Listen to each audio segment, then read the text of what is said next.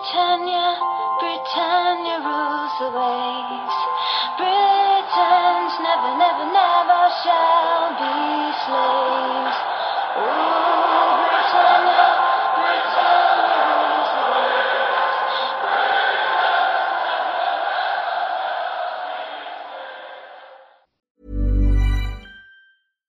Many of us have those stubborn pounds that seem impossible to lose, no matter how good we eat or how hard we work out. My solution is PlushCare. PlushCare is a leading telehealth provider with doctors who are there for you day and night to partner with you in your weight loss journey. They can prescribe FDA-approved weight loss medications like Wagovi and Zepbound for those who qualify. Plus, they accept most insurance plans. To get started, visit plushcare.com slash weight loss. That's plushcare.com slash weight loss. Rule Britannia, Britannia rules the waves. Britons never, never, never shall be slaves. Britannia, Britannia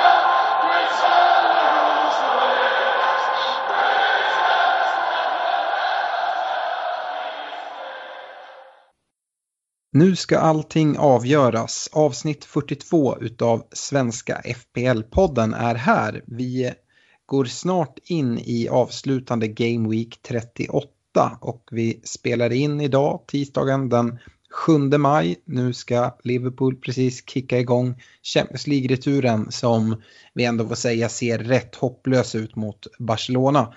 Agendan för dagens avsnitt är eh, inte så mycket annorlunda än vad den brukar vara. Det är väl att vi inte har någon intern tävling eftersom den är avgjord som vi talade om senast. Vi drar igång med en laggenomgång, en eh, fyllig sådan, går igenom. Det är ju bara några få lag som egentligen har någonting att spela för och det kan vara lite snårigt att hitta rätt spelare. Poddligan kikar vi in i, det ska avgöras även där och eh, frågan är om eh, den eh, Alexander Mellqvist som har ledigt där ett tag eh, kommer hålla, hålla ifrån. Det, jag tycker att det ser ut så. Vi ska även kolla in poddlaget som eh, avancerar lite grann och eh, vi ser ut att vara på god väg att nå det, vi, det, det mål vi har satt upp inför säsongen som då var alltså topp 10 000 i världen.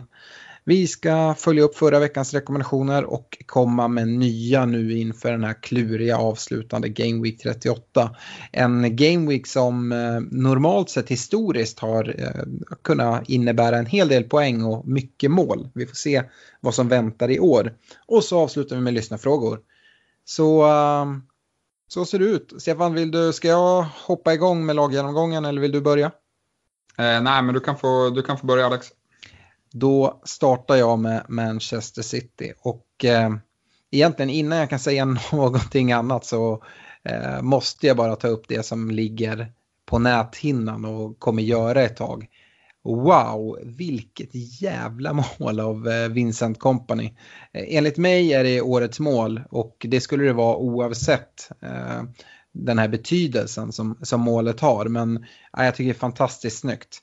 Eh, annars, eh, om vi lägger det åt sidan som egentligen inte har någonting med fantasy att göra.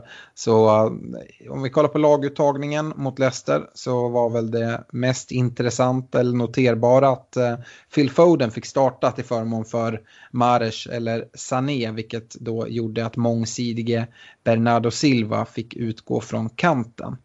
Annars är det precis som väntat väldigt mycket mindre rotation i City än vanligt nu när de är ute ur Champions League och har press på sig att de måste vinna varje match för att säkra ligan före Liverpool. Och eh, City kontrollerar ju den här matchen tycker jag ganska, ganska väl men skapar egentligen inte speciellt mycket. Egentligen så är ju inte ens Companys drömmål ett läge utan det är ju bara en kanonträff eh, från honom. De lägen som annars skapas är ju eh, Aguero som får ta hand om. Men han blir nekad av eh, ribban en gång och en eh, riktig drömräddning från Schmeichel, en fin parad den andra gången. Eh, Brighton borta nu som väntar för City ska ju inte kunna sätta några käppar i hjulet och jag har väldigt svårt att se det. Och eh, då det är väldigt få lag som har något att spela för utöver City så känns tre gubbar härifrån ganska, ganska vettigt och till och med givet. Eh, rotationen lär ju fortsätta vara minimal skulle jag säga. Och eh, vilka tre spelare man ska satsa på är egentligen en ren smakfråga. Personligen har jag gått på tre offensiva pjäser i eh, Bernardo Silva, Sterling och Agüero. Men du Stefan vet jag har valt en annan väg och dubblat upp i försvaret med Ederson och Laporte tillsammans då med Sterling offensivt. Hur, eh, hur har du tänkt där? Eh, nej, men eh, jag tänkte väl lite så att eh, ja, dels så hade jag väl inte råd med Aguero, men sen tänkte jag att eh, Liverpool skulle eh, bli lite mer noggranna i defensiven nu på slutet av säsongen och det har ju verkligen, eh, verkligen fallit in. Det har varit jackpot efter de åkt ur eh, eh, Champions League då de har hållit eh, nollan i samtliga matcher. Så det beslutet har ju verkligen betalat sig. Eh, nu får vi se i sista omgången om Eh, om det blir så att, eh, mm, ja, men att eh, de får in något tidigt mål och kanske öser på framåt. Det har varit eh, en del nerviga segrar och då har de blivit nästan tvungna att och hålla nollan för att vinna matcherna. Eh, vi får se i sista omgången om det kommer se likadant ut. Ja, i poddlaget så har vi ju endast eh, två City-spelare i Laporte och Sterling. Eh, men kommer ju med största sannolikhet nu ta in en tredje. Och det är väl inte omöjligt att det blir Bernardo Silva då det är den enklaste att få in tror jag. Speciellt med tanke på att det finns en lucka på mitten med, med Sons avstängning. Eh, annars skulle väl jag säga att de potentiella storscorerna i City skulle jag säga är större chans hos de offensiva pjäserna också. Ehm, lite fakta kring eh, kommande motståndare Brighton då. Eh, de har faktiskt inte hållit nolla något topp 6-lag denna säsong. Men de har heller inte släppt massor av bollar i de matcherna. Fem gånger har de släppt in eh, e-, ett mål och fem gånger två mål. Och sen så är det tre mål de har släppt in en gång, det var mot Chelsea. Ehm, men eh, inget lag har dragit på sig så många straffar som Brighton, kanske talar lite för Aguero. Eh, tio stycken har de dragit på sig. Och sen så en sista tanke som jag har nu när Brighton är klara för fortsatt Premier League-spel eh, nästa säsong. Eh, frågan är hur eh, tränare Houghton eh, tänker om man kommer försöka spela lite mer offensivt och med en större frihet än tidigare i säsongens sista match. Det kan man ju i alla fall hoppas på om man sitter med City-spelare och det är väl inte helt omöjligt. Så att, eh, ja, det, det är nog inte helt ovanligt att se kaptensbindlar i, i City den här omgången.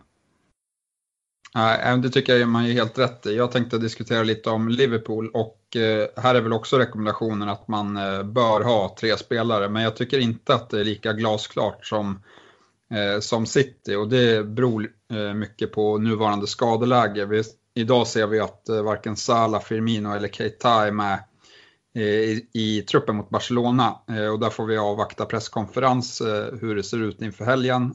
Jag har hört att Sala inte ska ha någon jättesvår hjärnskakning men att enligt de bestämmelser som finns att man inte riskerar att förvärra det mot Barcelona nu här.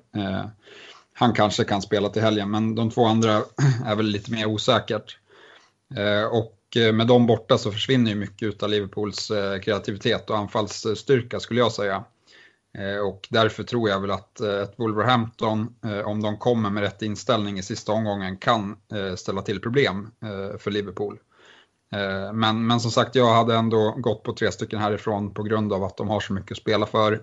Och just nu så väljer jag då Trent, Robertson och Mané. Men skulle Salah vara okej okay på presskonferens så skulle jag ranka honom högre än Mané som jag tycker har haft en eh, något svagare formkurva. Mm, intressant att se att Liverpool har tagit tidig ledning mot Barcelona, se om Barcelona kan skaka till lite där.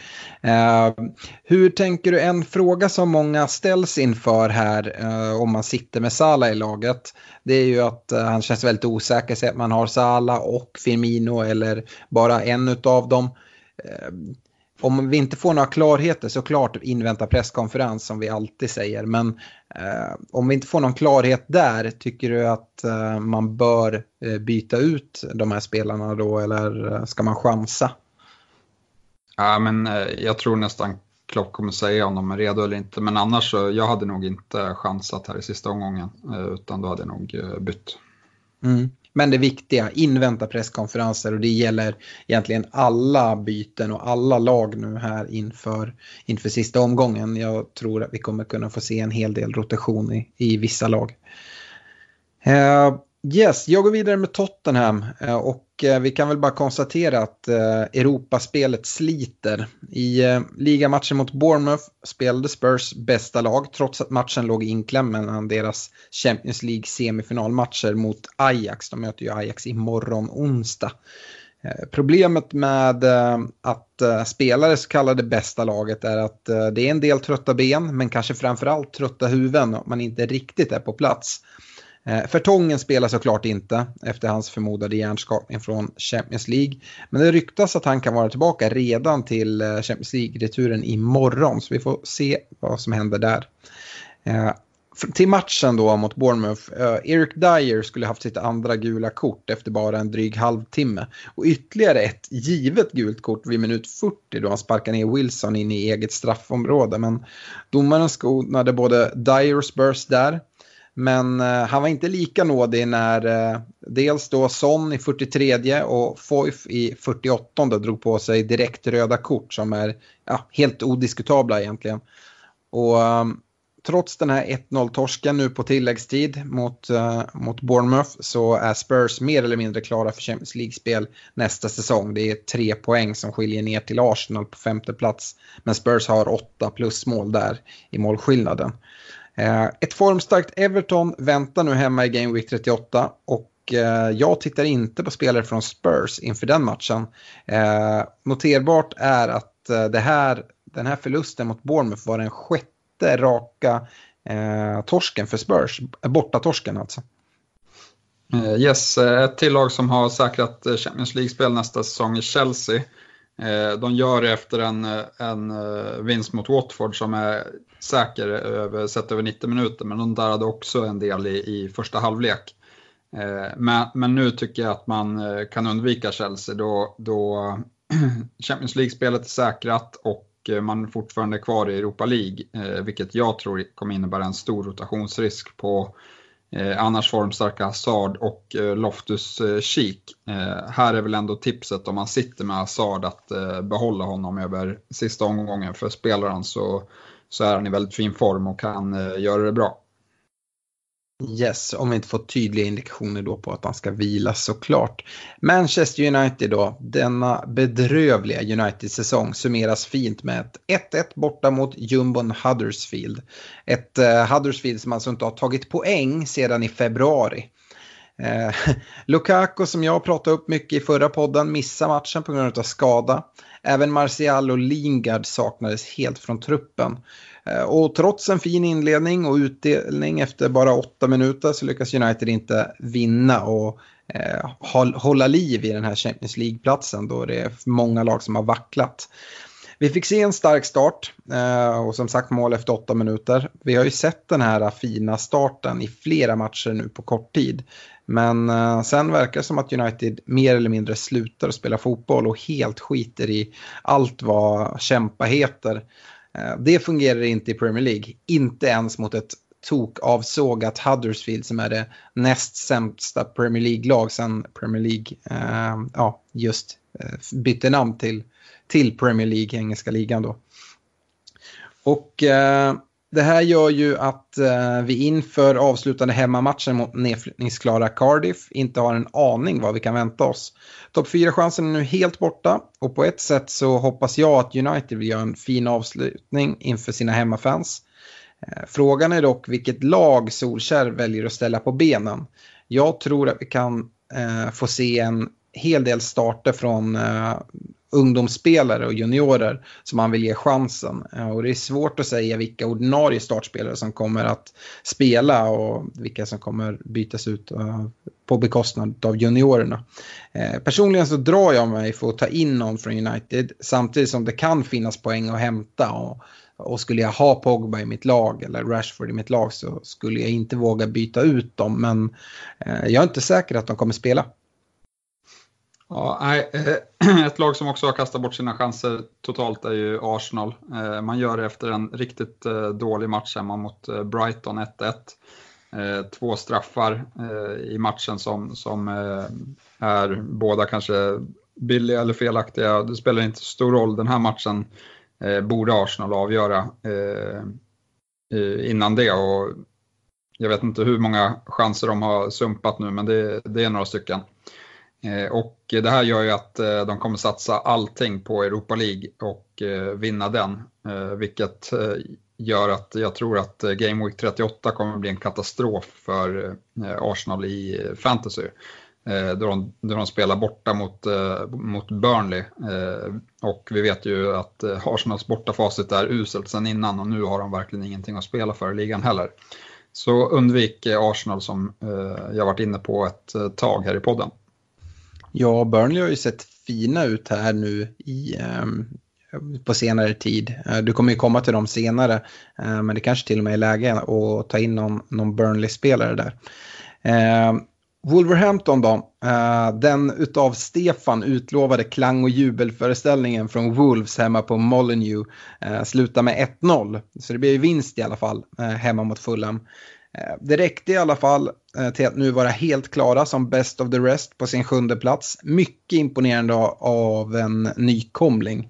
Eh, det kunde även ha blivit fler mål mot Fulham, ska vi faktiskt säga. Och främst var det Game Weekends mest inbytte spelare, Jota, som inte riktigt hade marginalerna på sin sida. om Jota kom till mycket lägen så var hans anfallskollega Jiménez mera anonym och har nu varit mållös på hemmaplan sedan Game Week 29. Matt Doherty då, det är han som gör assen till den Donkers mål och eh, kommer iväg med alla tre bonus. Eh, kunde även noteras för en kasse till om inte Rico i Fulhams mål hade gjort en vaken parad. Eh, det stora problemet med Wolves-spelarna nu är ju Liverpool borta väntar.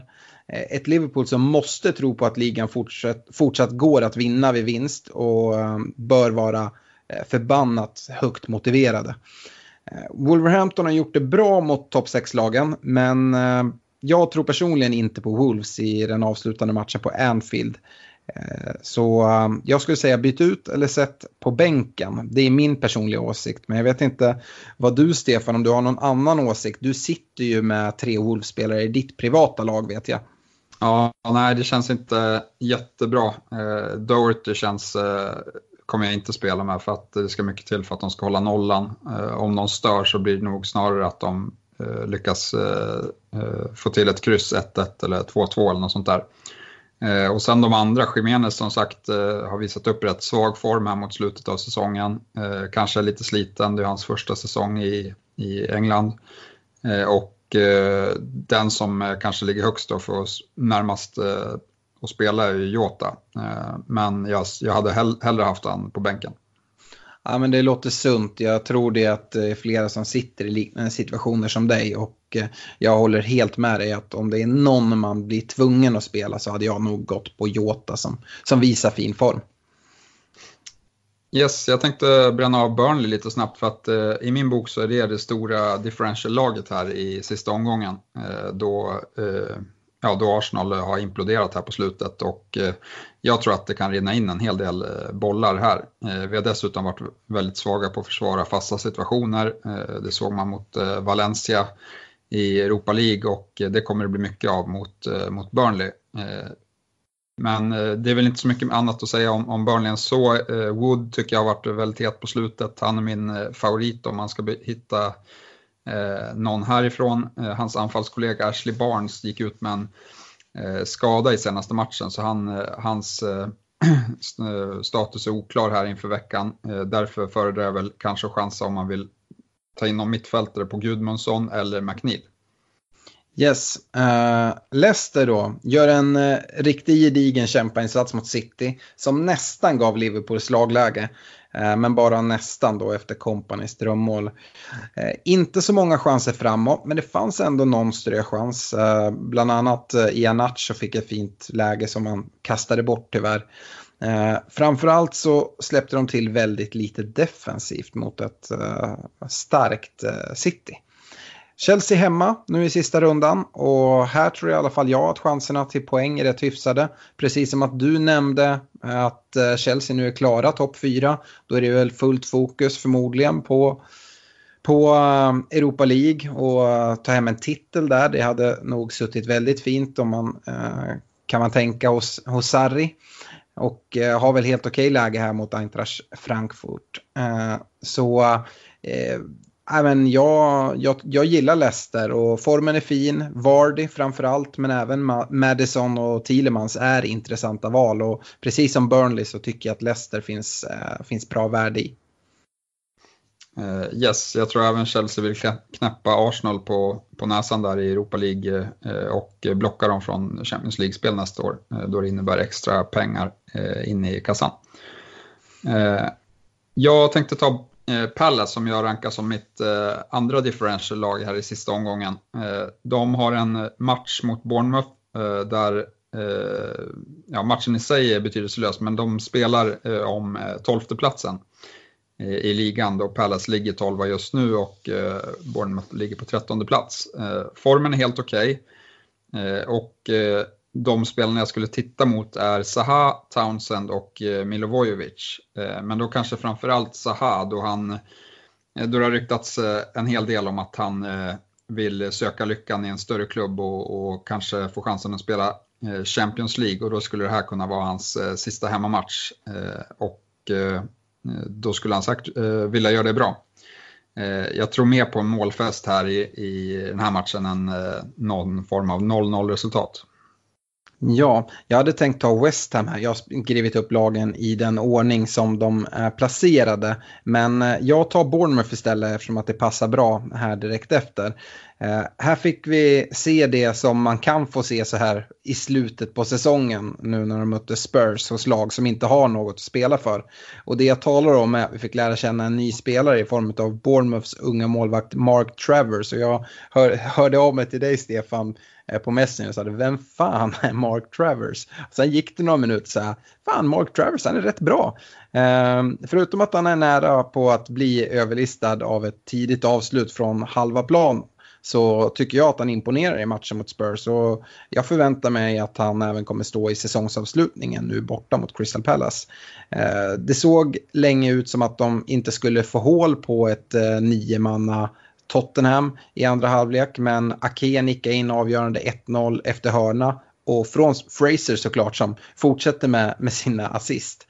Eh, ett lag som inte har något att spela för är ju Bournemouth, men eh, där spelare som Wilson, King, Fraser kan ge poäng i sista omgången så finns det ändå eh, intresse. Och Wilson är väl den jag, jag håller absolut högst. Och i förra avsnittet så, så nämnde jag trenden eh, kring Wilson, att han framförallt levererar på bortaplan.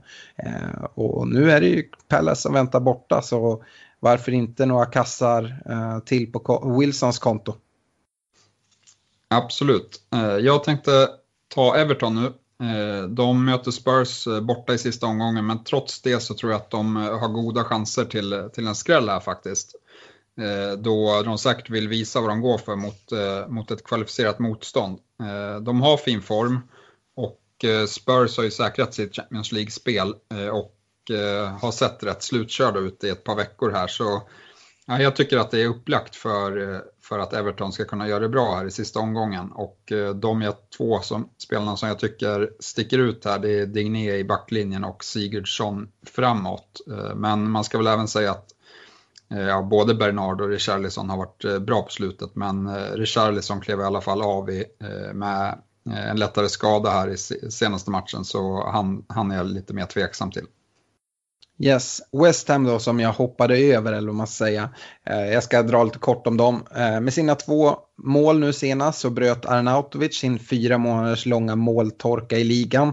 Eh, Watford borta som väntar nu eh, och jag tror att eh, Watford har fullt fokus på fa Cup-finalen eh, som väntar här mot City.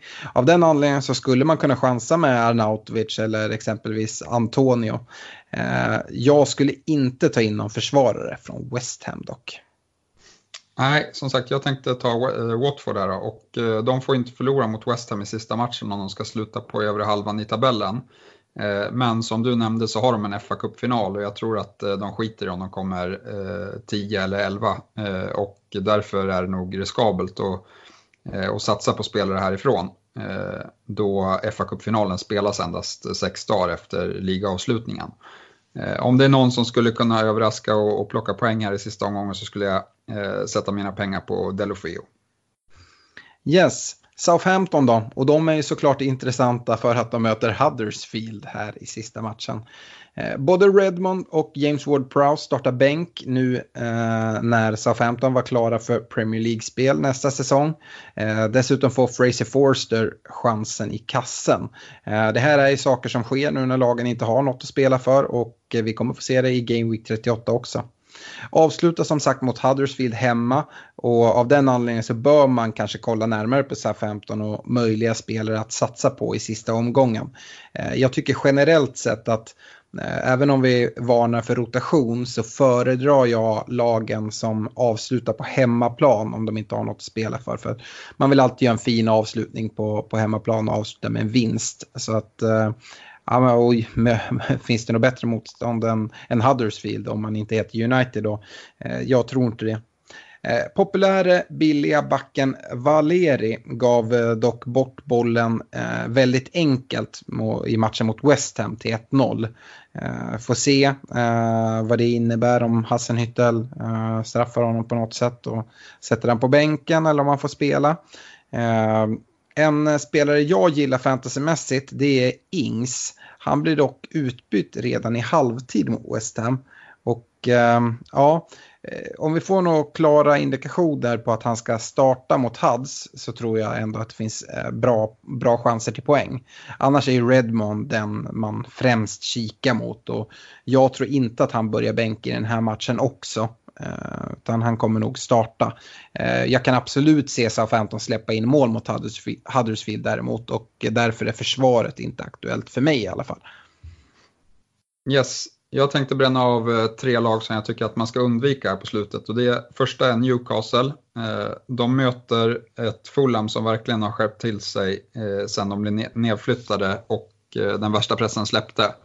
Eh, dessutom på bortaplan. Eh, även om Newcastle har gjort det helt okej okay, så, så tror jag inte att man ska ha någon därifrån. Eh, eventuellt att Rondon kan göra det bra, men, men jag tror inte de har den rätta motivationen. Det andra laget är Cardiff och de möter United borta, vilket aldrig är en bra match, hur usla United än har varit nu på slutet. Och ja, jag tror som sagt också att Solskjaer vill, vill avsluta med en hemmaseger för att bygga eh, någon form av momentum här inför nästa säsong. Och eh, Cardiff får nog eh, smaka på lite eh, revanschlusta där. Och det sista laget är ju Brighton som ska möta City på hemmaplan. Eh, de skrällde ju visserligen mot Arsenal men eh, City och Arsenal går inte riktigt att jämföra som fotbollslag eh, då City är flera, flera klasser bättre och spelar för ligan och då spelar inte hemmaplanfördelen någon roll här för Brighton. Nej, eh, jag har två avslutande lag och eh, det är Huddersfield eh, som i alla fall fick avsluta då med en pinne på hemmaplan mot stora Manchester United. Och i ärlighetens namn som sagt är det inte ens oförtjänt. Nu väntas ha 15 borta innan det blir spel i Championship nästa år. Det finns ingen anledning att ta in någon spelare härifrån. Eh, Fulham då, eh, det blev inte en fjärde raka vinst och en fjärde raka nolla mot Wolves men endast 1-0 torsk får väl ändå ses som bra för ett Fulham mot ett hemmastarkt Wolves. Eh, Mitrovic, Mitrovic bränner även ett jätteläge som man fick eh, men det var mer eller mindre det enda offensiva Fulham ställde till med mot Wolves. Eh, Newcastle hemma i sista matchen. Eh, känns konstigt att rekommendera någon att ta in Fulham-spelare. Men på något sätt så tror jag ändå att de vill avsluta det här Premier League-äventyret fint eh, för hemmapubliken på Craven Cottage. Eh, vem man ska satsa på då? Ja, eh, Ryan, Ryan Babel, han tror jag kom, inte kommer följa med Fulham ner i Championship. Så han spelar för, för ett eh, nytt kontrakt någon annanstans. Så han är intressant. Och sen så, skratta inte nu, Callum Chambers. Ja, det är helt sjukt att du rekommenderar honom. ja. Nej, han, han har sett uh, rätt bra ut i vissa matcher i år faktiskt, det kan, det kan jag hålla med om. Jag har varit inne på honom i podden tidigare också. Mm. Eh, med det så avslutar vi laggenomgången och eh, kollar in i poddligan och den leds Eh, fortsatt av Alexander Meltoft, han leder med 26 poäng. Det var ganska låga scorer i eh, Game Week 37, både bland eh, vår ligatopp men även generellt. Alexander Meltoft drog in 44 pinnar eh, och eh, ökar på till eh, 2400 50 poäng, vilket är mäkta imponerande. Eh, på andra plats hittar vi Aron Lundborg. 49 poäng tog han den här, eh, den här omgången och landar på 2424 poäng inför sista omgången. Och Donald Fallström på eh, bronsplatsen eh, 39 pinnar tog han gameweeken och eh, totalt 2420 pinnar. Vad tror du Stefan, finns det någon chans att uh, käka ikapp de här 26 poängen för, för Aron i, i sista omgången? Ja, chans finns det ju alltid. Man kan ju, det finns ju som sagt, eh, troligtvis så kommer ju lagen se rätt snarlika ut med Liverpool och eh, Manchester City-spelare. Men eh, det är de där övriga fyra, fem spelarna som kan göra skillnad. Och man kan ha väldigt otur med röda kort, eh, att spelare vilas och så. Så man ska inte ge upp 26 eh, poäng, men, men det blir tufft såklart. Man vill inte gärna sitta på samma kaptensval i alla fall om man jagar. Nej, det kanske, det kanske är dumt. Mm. Uh, det blir intressant. Vi, vi, får följa upp det. Men som sagt, uh, Alexander Meltoft i pole position och imponerande. Han har legat här i toppen under en lång tid. Uh, så uh, det blir kul att se vart det här slutar. Förhoppningen är ju, det jag, inte, jag har inte pratat med Alexander om det här, men att vi kan få till någon form av intervju med honom som vi publicerar här i podden. där vi kan få lite tips och tricks och höra Eh, om det nu är så att han vinner. Annars så ska vi väl intervjua Aron eller någon annan som smyger sig förbi här i slutet. Eh, poddlaget då, vi tar ju med poängen samtliga topp tre eh, i Game Week 37 i alla fall. 56 pinnar blev det.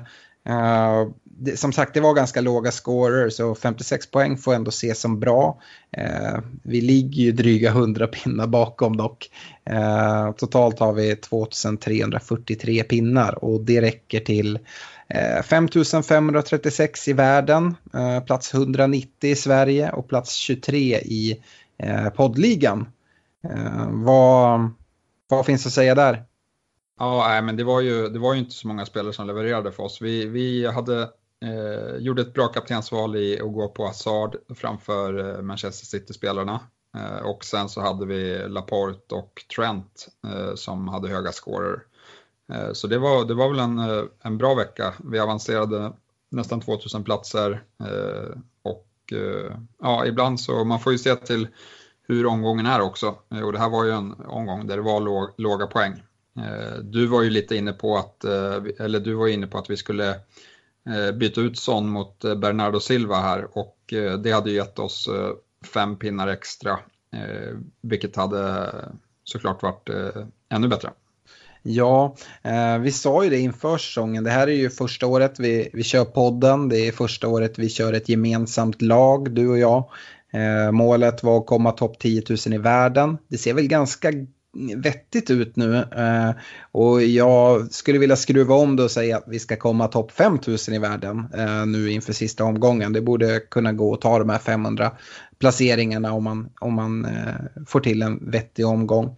Eh, dessutom så eh, kollade jag lite på, som sagt vi ligger på plats 190 i Sverige. För att komma topp 100 i Sverige så, är, så är, saknas det 20 poäng. Eh, det tror jag kan bli lite tufft men eh, det är bara 9 poäng upp till topp 150 i Sverige så eh, det kanske också kan vara någonting att, att sikta mot. Ja, vi ska ju såklart försöka göra så bra som möjligt sista omgången. Vi har två fria byten vilket kan vara, kan vara ett S i rockärmen i alla fall. Mm. Eh, vad, de här bytena, vi, vi har ju som sagt bara två City-spelare så att eh, det troliga är väl att plocka in en City-spelare där och eh, det är väl ganska troligt också att Son kommer att ryka. Eh, jag, jag, tror inte att det, vi liksom har någon, det finns ingen anledning att sitta kvar med honom. Utan jag tror att det är där vi vill få in någon spelare. Vi får väl se vad, vad vi landar i för något. Eh, vi kommer väl inte göra mer än två byten och jag har svårt att se och ta minus. Det, det finns inte någon riktig anledning för oss att göra det tycker jag. Nej, jag tycker vi, det ser rätt bra ut på förhand där eh, inför sista omgången. Vi har, vi har några spelare på plats som skulle kunna leverera bra i jag tänker då på Redmond och Vardy till exempel som jag tror på eh, i sista omgången. Eh, men eh, vi har ju våra Brighton-spelare som vi kan byta ut och Jiménez, eh, de, de sitter väl lite löst. Mm. Eh, vilka som vi ska byta in kanske vi kommer till nu om vi kollar in i rekommendationerna. Men först ska vi följa upp förra veckans försvarsrekommendationer. Och eh, ja, jag pratar mig varm om Luke Shaw då jag inte ville gå in på eh, Liverpool och City i försvaret. Eh, två pinnar blev det där. Eh, Stefan, du eh, gick på Laporte istället och det blev, blev lite bättre. Ja, det blev hela 12 pinnar, eh, men man får väl säga att det var lite flyt att det blev så mycket. Han fick eh, assistpoängen till Companys eh, mål och sen vet vi att han är en stark bonusspelare så han plockar hem alla bonuspoängen också. Men, men som sagt, maximal utdelning på, på honom. Men en nolla, en nolla var ju väl ändå, nollan var ändå rätt trygg. Ianacho hade ett bra läge där, men det, det brände han ju rätt grovt. Ja, eh, jag tycker inte ens att man ska kunna få ass för ett sånt mål som kompani gör. Men eh, det är en helt annan sak. Jag, jag tänker reka Laporte inför ehm, eh, avslutande Game Week 38 i, nu. Ja, nej, men så här, jag, jag har tänkt lite annorlunda den här gången. Min generella rek är att man ska ha sex eh, spelare från eh, City och Liverpool eh, tillsammans. Eh, och eh, vi vet ungefär vilka de spelarna är. Eh, så jag har gått utanför de två lagen i sista omgången här och letat lite eventuella differential och eh, då tycker jag att Digné eh, ser intressant ut då jag tror att han kommer vara rätt, eller att det kommer vara rätt få som byter in honom då man kollar på spelschemat och säger att oj, Spurs borta, nej det blir tufft. Men, men jag tror som sagt att Everton kan överraska och han har hög högsta poäng ceiling eller så här poängtak om man säger. Ja, det, jag gillar den, eh, den reken. Eh, han kan mycket väl göra, göra bra ifrån sig. Precis som vi varit inne på där med, med Chelsea som kommer lägga fullt fokus på Europa League. Eh, på mittfältet då eh, så rekade jag eh, Mohamed Salah. Eh, han fick ju kliva av skadad men innan dess så tog han ju lite poäng så sju pinnar landade han på. Eh, och du var inne på Sterling som har haft en tung period och det fortsätter lite. Ja, eh, jag tycker väl inte att han, alltså han är ju såklart nyttig, han, han är, kan eh, Guardiolas eh, spelsystem utan och innan nu eh, och är eh, väldigt eh, flexibel. Men, men jag tycker han är absolut inte i någon toppform just nu eh, utan eh, det ser lite kämpigt ut och han har inte riktigt, riktigt vän med bollen och så. Jag tyckte dock att han gjorde ett par riktigt bra djupledslöpningar eh, mot, i, mot Leicester där han inte fick eh, bollen utan eh, Gündogan var det många gånger som valde att, att vända hemåt istället. Så han kanske, han kanske hittar något här i sista omgången. Jag skulle inte betta mot eh, honom i alla fall. Nej, jag tänkte säga det. Det är, det är, inte, det är inte superbra läge att plocka ut Sterling här inför Game Week 38 ändå. Uh, ja, den, här, den här veckan i alla fall så rekar jag Redmond i, i Southampton. Uh, Huddersfield hemma som sagt. Han började bänk i Game Week 37, fick komma in. Uh, jag tror att han kommer starta nu och jag tror att han kommer ta poäng. Ja, det är en riktigt bra rek. Och startar han så är han jätteintressant. En spelare som jag tyckte imponerade en hel del mot, eh, mot just City var eh, Madison i, i Leicester. Jag tyckte att eh, när de fick omställningar så var de väldigt noggranna och det, det var ofta att Madison kom loss med bollen eh, och levererade den vidare. Sen att de inte lyckades eh, få till den här sista bollen, det, det, är en annan femma. Men han tror jag på i sista omgången mot ett eh, Chelsea som, som inte jag tror kommer vara speciellt motiverade. Mm. Eh, Forwardsidan så var både du och jag inne på Sergio Aguero. Eh, han fick ju också eh, lämna mållös. Men till skillnad från Sterling så har Aguero två riktigt bra lägen. Som där avsluten dessutom är bra. Det är bara oflytt att det inte eh, blir någon utdelning där. Så Aguero ser jag fortsatt som väldigt bra eh, bra spelare att eh, sitta med i, inför avslutande Game Week 38. Och han spelar ju självklart. Eh, ja, eh, nu då? Jag har skrivit ner två namn här. Jag kan inte riktigt välja. Jag tycker båda är riktigt bra. Eh, vi har varit inne på båda i laggenomgången. Det är Jamie Vardy i Leicester och det är eh, Chris Wood i, i Burnley. Ja, jag har i alla fall valt eh, Chris Wood. Eh, vi har inte hållit nollan på bortaplan på hela säsongen så jag tror inte att vi kommer göra det i sista omgången.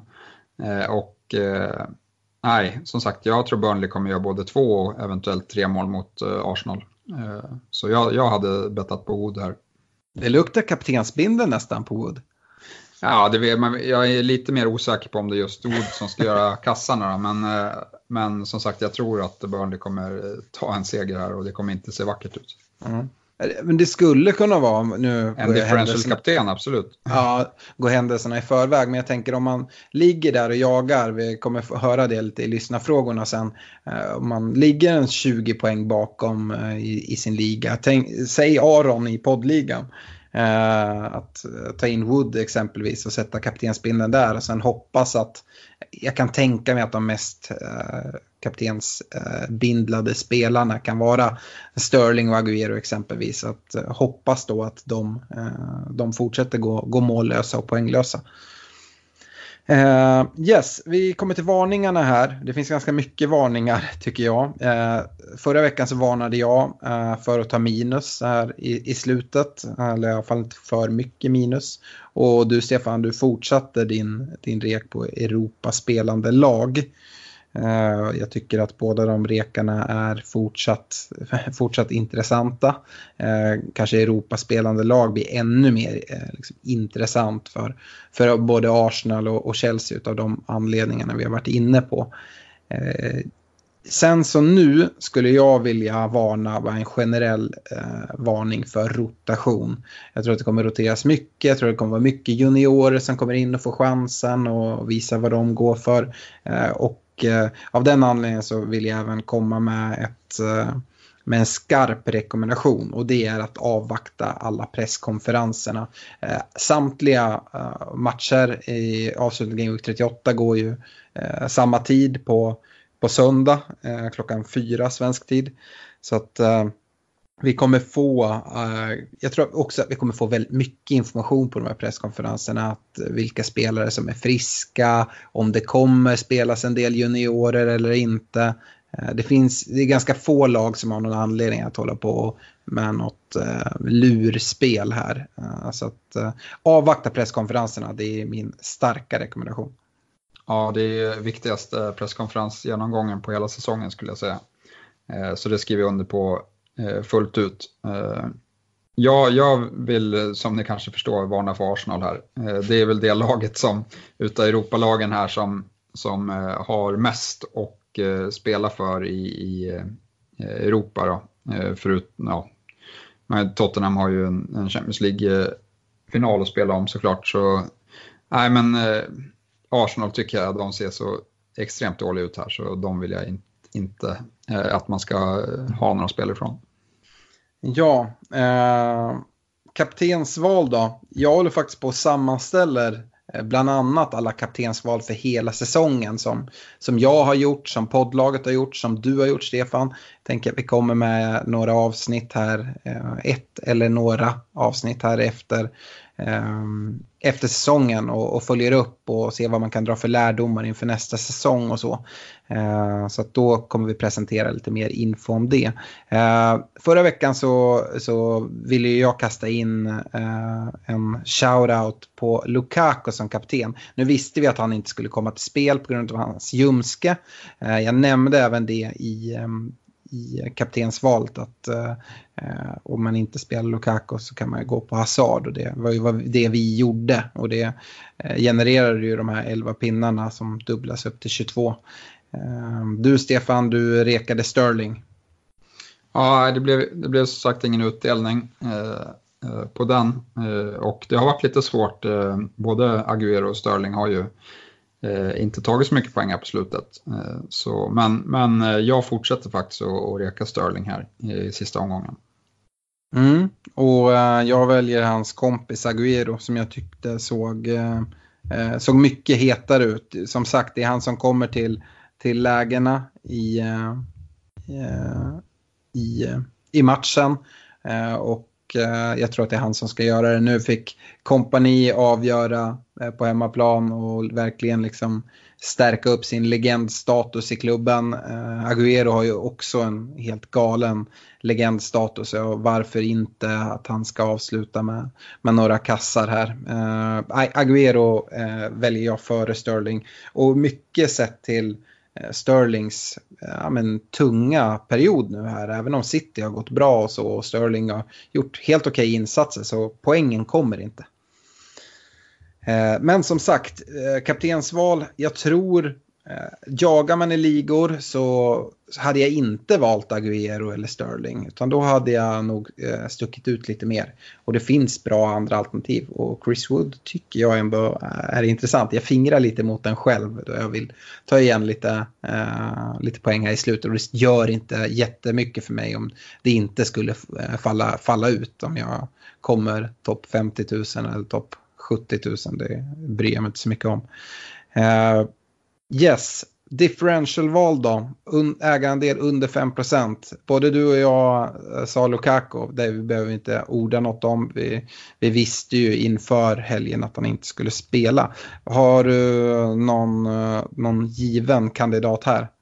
Ja, men jag skulle tänka att Chris Wood inte ägde Eh, under 5 eller över 5% så han är väl en bra differential. Jag har valt en annan eh, i United som jag tror kommer spela eh, och det är McTominay på mitten. Han har verkligen slagit igenom i år på deras mittfält och jag tror att han kan göra det bra i sista omgången. Shit alltså. Ja, jag, jag backar inte den. Eh, eh, det är mer eh, för mitt United-hjärta. Jag, jag, gråter nu när jag ser United spela. Men absolut, då säger jag Chris Wood är, är bättre. Han, han ägs av 1,4 procent, Chris Wood. Den spelare jag har skrivit ner, det är faktiskt från ett redan nedflyttningsklart lag. Och jag var inne på det, Ryan Babel i Fulham. Han spelar för en ny klubbadress. Och jag tror att Eh, att han kommer fortsätta sin fina form och, eh, och eh, dra, in, dra in lite mer poäng. Precis som han har gjort här i slutet. Yes, och som sagt, deadline för alla byten och sånt det är söndag klockan 15.00. Och missa inte den. Nu går vi in på lyssnarfrågorna. Och jag tänkte att vi skulle börja med en sån här jättelång fråga från Fredrik Norrström, eller flera frågor i ett. Uh, han, han, han skriver till mig själv, uh, sorry för långa och lite svävande frågor, men jag tror ni fattar vilket typ av resonemang jag efterfrågar. Eh, han säger så här, kommer ni göra något summeringsavsnitt efter Game Week 38? Och det sa vi ju, eller jag sa det nu eh, under rekommendationerna att det ska vi absolut göra. Jag tänker att vi dels ska göra uppföljning av eh, vinnaren av poddligan. Jag tänker att du och jag ska göra en summering dels av Game Week 38 men kanske framförallt över hela, hela säsongen. Det vore kul att göra någon form av awards där vi eh, tar ut lite Eh, nominerade fantasyspelare som eh, vi tycker är lite olika roliga kategorier. Ni får jättegärna eh, skicka in med förslag på kategorier som vi kan ta upp och så nominerar vi och utser ehm, floppar och största missar, enskilda missar och lite sådana saker kan vara kul tänker jag. Ehm, Eh, sen så skriver Fredrik det att eh, jag tänker att eh, den här säsongen har varit lite speciell. Det är i alla fall tonerna på, på Twitter kring FPL eh, vad gäller totala poäng. Många som tidigare har legat väldigt bra eh, i andra säsonger har gått mycket sämre den här eh, säsongen. Och så undrar han hur vi ser på säsongen som varit och vad vi tar med oss inför nästa säsong.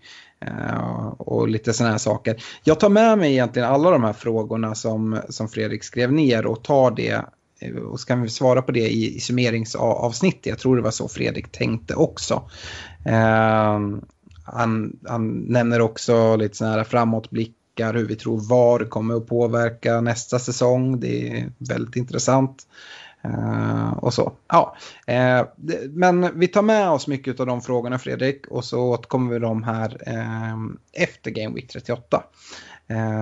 om det var en lång fråga och väldigt mycket text så både Jonathan Ledin och Fredrik Schöneman ställer samma fråga och den är väldigt kort. Ersättare för Son? Ja, eh, då kan vi börja med om man inte har tre City-spelare så eh, som poddlaget nog kommer göra eh, så är Bernardo Silva ett bra alternativ. Skulle jag säga. Han är i väldigt fin form, skulle mycket väl kunna ta poäng här i, i sista omgången. Mm. Uh, och annars, Redmond har vi varit inne på, det är ju väldigt mycket billigare spelare.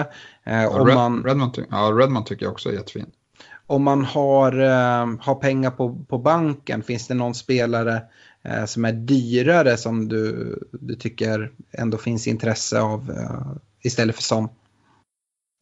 Ja, den, är ju, den är nästan lite svårare. Jag, eftersom det är så många toppklubbar som inte har något att spela för längre så så är det lite svårare. Men, men det är väl samma sak, Mané kan ju vara en intressant spelare om, om det är så att man sitter med mycket pengar på banken och inte har tre från Liverpool redan. Eh, mm. Då skulle ju han kunna vara ett alternativ.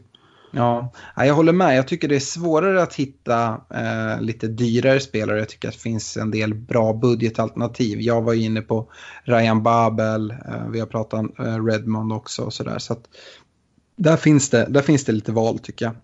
Eh, Simon Nilsson då, han sitter med samma fråga som jag tror du sitter med Stefan.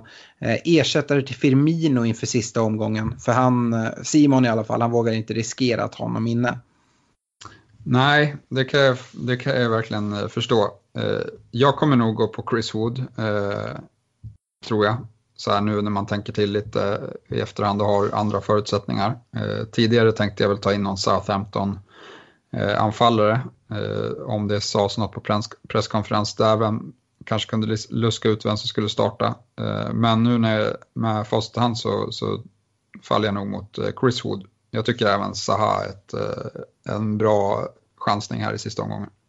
Men eh, vi ska väl säga det till Simon att eh, det bästa är väl att avvakta presskonferenserna. Får vi besked att Firmino startar så, eh, så tycker jag väl ändå att man, man bör ha kvar honom, eller? Ja, absolut. Det, det, tror, det tror jag väl. Det kan ju vara en, ett sånt där byte som slår väldigt fel där. Uh, det blir en hel del poäng annars. Eh, Lukas Samuelsson då, han är inne på kapten. Han säger Sterling eller Mané som kapten. Du har ju sagt Sterling så jag antar att du står fast där. Ja, det gör jag. Eh, jag, tror, jag tror som sagt att eh, City kommer göra fler mål än, än vad Liverpool kommer göra i sista omgången. Eh, det tror jag också. Sen så finns ju alltid den här risken att eh, City gör några tidiga mål och drar iväg och att Liverpool, alltså även om jag tror inte Klopp står och kommunicerar ut exakt, om det inte är så att eh, City inte lyckas ta, ta ledningen, Eh, men det ser jag som ganska otroligt. Eh, men jag tror att spelarna ändå får, får reda på det lite från, från publik och läktare och så. Eh, och då kan det vara att man slår av lite på takten kanske. Det som talas för Mané kan ju vara jakten på skytteligan exempelvis. Chris Karlsson då, kaptensval inför sista omgången, det har vi pratat om. Mårten Alvring, han har faktiskt chip kvar, han har sparat triple captain och är inne på det jag pratade om i början av podden att eh, det historiskt har rasat in mål i sista omgången. Eh, han säger även att han har två fria byten så han eh, undrar vilken spelare vinner ligan åt honom. ja, eh, men som sagt, man får ju försöka hitta de där matcherna som kan bli mycket mål. Jag tror att Crystal Palace Bournemouth skulle kunna vara en sån match där det blir mycket mål. Eh, det skulle nog Fulham Newcastle också kunna vara. Eh, eller Southampton, Huddersfield. Eh, det känns som, som tre matcher där det kan bli mycket mål. Eh, sen är det frågan, vill han försvara en ledning då skulle jag ju sätta triple captain på en City-spelare. Ska han ta ifatt poäng då, då får han ju gå på någon mindre ägd spelare skulle jag säga. Mm. Eh, kanske Chris Wood då för att upprepa mig. Men även finns ju Wilson till exempel i, i Bournemouth som jag tycker är, är vettig. Mm. Eh, Fredrik Ankarås skriver, eh, vågar man satsa på någon offensiv Southampton-spelare i sista omgången och i så fall vilken? Ja, jag tycker din, din reaktion på Redmond eh, är den som känns bäst här om det var så att han, han har ju redan fått eh, stå över en match här. Eh, vi vet inte, man har inte all information och han kanske var så att han har någon skadekänning som han har haft ett, ett tag här och därför inte riskerades eller bara för att han hade spelat mycket och eh, kommer vara eh, utvilad för den här matchen. Men jag gillar i alla fall Redmond på förhand här innan man har hört presskonferenser. Jag tror att hade det varit en skadekänning hade de inte bytt in honom tidigt eh, här i förra omgången. Så att äh, jag, jag känner mig trygg med Redmond. Men såklart invänta presskonferens. Men äh, jag, jag gillar Redmond mest i SA-15. Men även Ings som sagt om vi får indikationer på att han kommer starta. Eh, sen så som sagt, det är sista omgången som väntar. Därför har vi fått lite anonyma frågor. Eh, vi har en eh, anonym fråga som säger så här. Vilken mittfältare ska man sticka ut med som ersättare för Son? Eh, behöver ta in 10 pinnar i sista omgången. Sitter på Mané, Fraser och Sterling på mitten bland annat. Och han nämner även att han har 0,3 på banken. Eh, ja, vet ju inte vem det är han ska... Ja, det är Son han ska byta ut då. Ja, men man sticker väl ut en del med Redmond. Han är ju inte jättemycket ägd heller och sätter säkert de som har kollat på honom kanske blir lite skeptiska att han inte startar senast. Eh, så nej, men det, där sticker man nog ut eh, en hel del. Ja, sen får man ju kolla som sagt i den, exakt den liga man är och de 10 poäng man ska ta in. Sitter han redan med Redmond, ja men då är det kanske inte han man ska ta in utan då behöver man kolla någon annanstans. Om man vänder sig till Burnley och Gudmundsson eller McNeil eller uh, vart man går. Men man du, behöver... Du, ja. du tror en del på Babel också och det, kan, det behöver inte heller vara, vara dumt alls. Nej, och där tror jag man sticker ut väldigt mycket mer än, än Redmond. Man ser ändå Redmond i ganska många byggen i, bland topplag uh, som har noterat honom och, och plockat in. Uh, så att, ja, det, är, det är en chansning, men 10 pinnar i sista omgången, det är väl långt ifrån omöjligt att plocka in. Ja, ja det, det är ju ingenting skulle jag säga. Mm. Uh, alltså önskar stort lycka till där. Uh, och en sista anonym fråga. Uh, de här är lite svåra, det är skicka med sitt lag och sådana här saker. Men uh, tacka först för en bra podd. Sen så jag sitter på det här laget, bifogad bild, och är väldigt osäker över vad jag ska göra. Jag har ledning i min kompisliga med 23 pinnar och har inga planer att släppa den. Eh, ska jag byta ut målvakt till Ederson för att få in sex ganska säkra pinnar? Eh, ska jag byta, byta ut Son mot Bernardo Silva eller kanske Milovojevic, Townsend eh, ja, in istället för Son? Då de har fin hemmamatch. Vad hade ni gjort med endast en fri transfer? Eh, jag vet inte vad du säger Stefan, men 23 pinnar är ganska mycket. Av den anledningen skulle jag inte börja ta minuspoäng. Eh, det är bättre att låta dem eh, bakom som får chansa och kanske vi behöver göra, göra många byten för att sticka ut från, från hans lag. Dessutom så kollar jag på laget. Vi börjar prata om Ederson i kassen. Eh, han har Fabianski i West Ham och Edridge i Cardiff.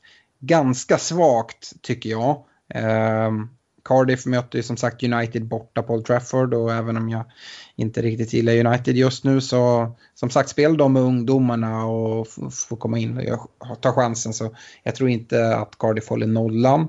Eh, och eh, West Ham, ja men deras försvar tycker jag inte är är vettigt. Fabianski är en bra målvakt och de möter ett Watford som förmodligen har FA-cup, uh, eh, eh, in, ja, siktet inställt på FA-cupen. Men uh, ja, Ederson är ju en rejäl uppgradering. Uh, kollar man i, i hans lag i övrigt så sitter han bara med en City-spelare och två Liverpool-spelare. Han har Trent och Mané och han har Sterling. Ja, men om ska han försvara en ledning då ska han ju byta in så många eh, från City och Liverpool som möjligt skulle jag säga. Eh, för då, då tar han i alla fall ut eh, många utav liksom många spelare som potentiellt sett kan ta väldigt mycket poäng eh, för hans konkurrenter i sista omgången. Även om det här innebär minuspoäng tycker du? Nej, det kanske är en annan femma. Jag säger, ska han, ska han fylla sitt lag då behöver man ju ta in två, två City-spelare och en Liverpool-spelare. Det är tre byten i minus åtta i så fall. Ja, nej, jag hade i alla fall prioriterat City först mm. där. Uh, men jag tycker Ederson är en bra shout. Uh, det skulle även gå, uh, jag vet inte pengar på banken och sådana saker. Om det går att, att göra... Eder, Ederson ja. är absolut inte värd att ta minuspoäng för dock. Nej, det tycker inte jag heller. För att Ederson tar ju max eh, sex pinnar om man inte räddar en straff, vilket är väldigt ja. osannolikt. Ja. Eh, och Fabianski, han tar ju, om man släpper in mål så tar han eh, två eller tre pinnar då han ofta gör många räddningar. Så däremellan så skiljer det inte speciellt mycket. Nej, eh, men kanske man, jag ser att han har Doherty, man skulle kunna ta ut Doherty och ta in Laporte till exempel för att få bättre city-täckning. City ja, Laporte är bättre än Ederson, ja. tycker jag. Eh, jag tycker också det, man måste kolla på hela sitt lag, även om vi ser nu att Son är, är avstängd, för det här kan vara ett lite som nybörjarmisstag som man gör. Att ja, men då måste jag byta ut Son, eh, men det behöver du inte alls göra. Du har ju tre utespelare som du får sätta på bänken. Och om du inte har en mittfältare du vill ta in eller du liksom vill släcka andra bränder och du ser att ja, men jag får ihop elva riktigt bra spelare. Då behöver du inte ta minus för att uh, ta ut sån, utan låt han sitta där sist på kvisten i så fall. Um, å andra sidan så kostar han ju en del så man får ju ganska fri rörlighet på att ta in, ta in mittfältare. Men uh, det är inte per automatik att man ska ta ut sån i alla fall, det tycker jag inte. Uh, ja, jag vet inte om det är svar på, svar på frågan, men ehm, jag hade inte tagit minus, men det är för att jag är feg. Och eh, jag instämmer med dig, om man nu ska ta minus så eh, ska inte det vara för att ta in Ederson. Eh, eller någon målvakt för den delen. Utan då är det bättre att ta någon, någon utespelare. Och det är väl lämpligt att fylla på med, på med City-spelare. Yes. Yes, men det var det. Det var det hela. Nu tycker jag att vi önskar alla ett stort lycka till. Som sagt, det finns goda möjligheter att avancera här sista veckan och eh, sticka ut med lite spelare. Eh, så får vi komma tillbaka och summera hur eh, dels Game Week 38 blev men även hela säsongen här, eh, här framåt. Och sen så eh, kommer vi väl med några avsnitt och sen så blir det väl uppehåll ett tag och så tar vi nya tag när, när eh, spelet släpper sina sina nya priser och positioner och sådana saker någon gång här mitt i sommaren. Absolut, det gör vi och eh, hoppas ni vinner alla era kompisligor här. Alla kan ju inte göra det, men eh, så många som möjligt. Eh, och lycka till! Yes, ha det bra allihopa. Hej då! Hej då!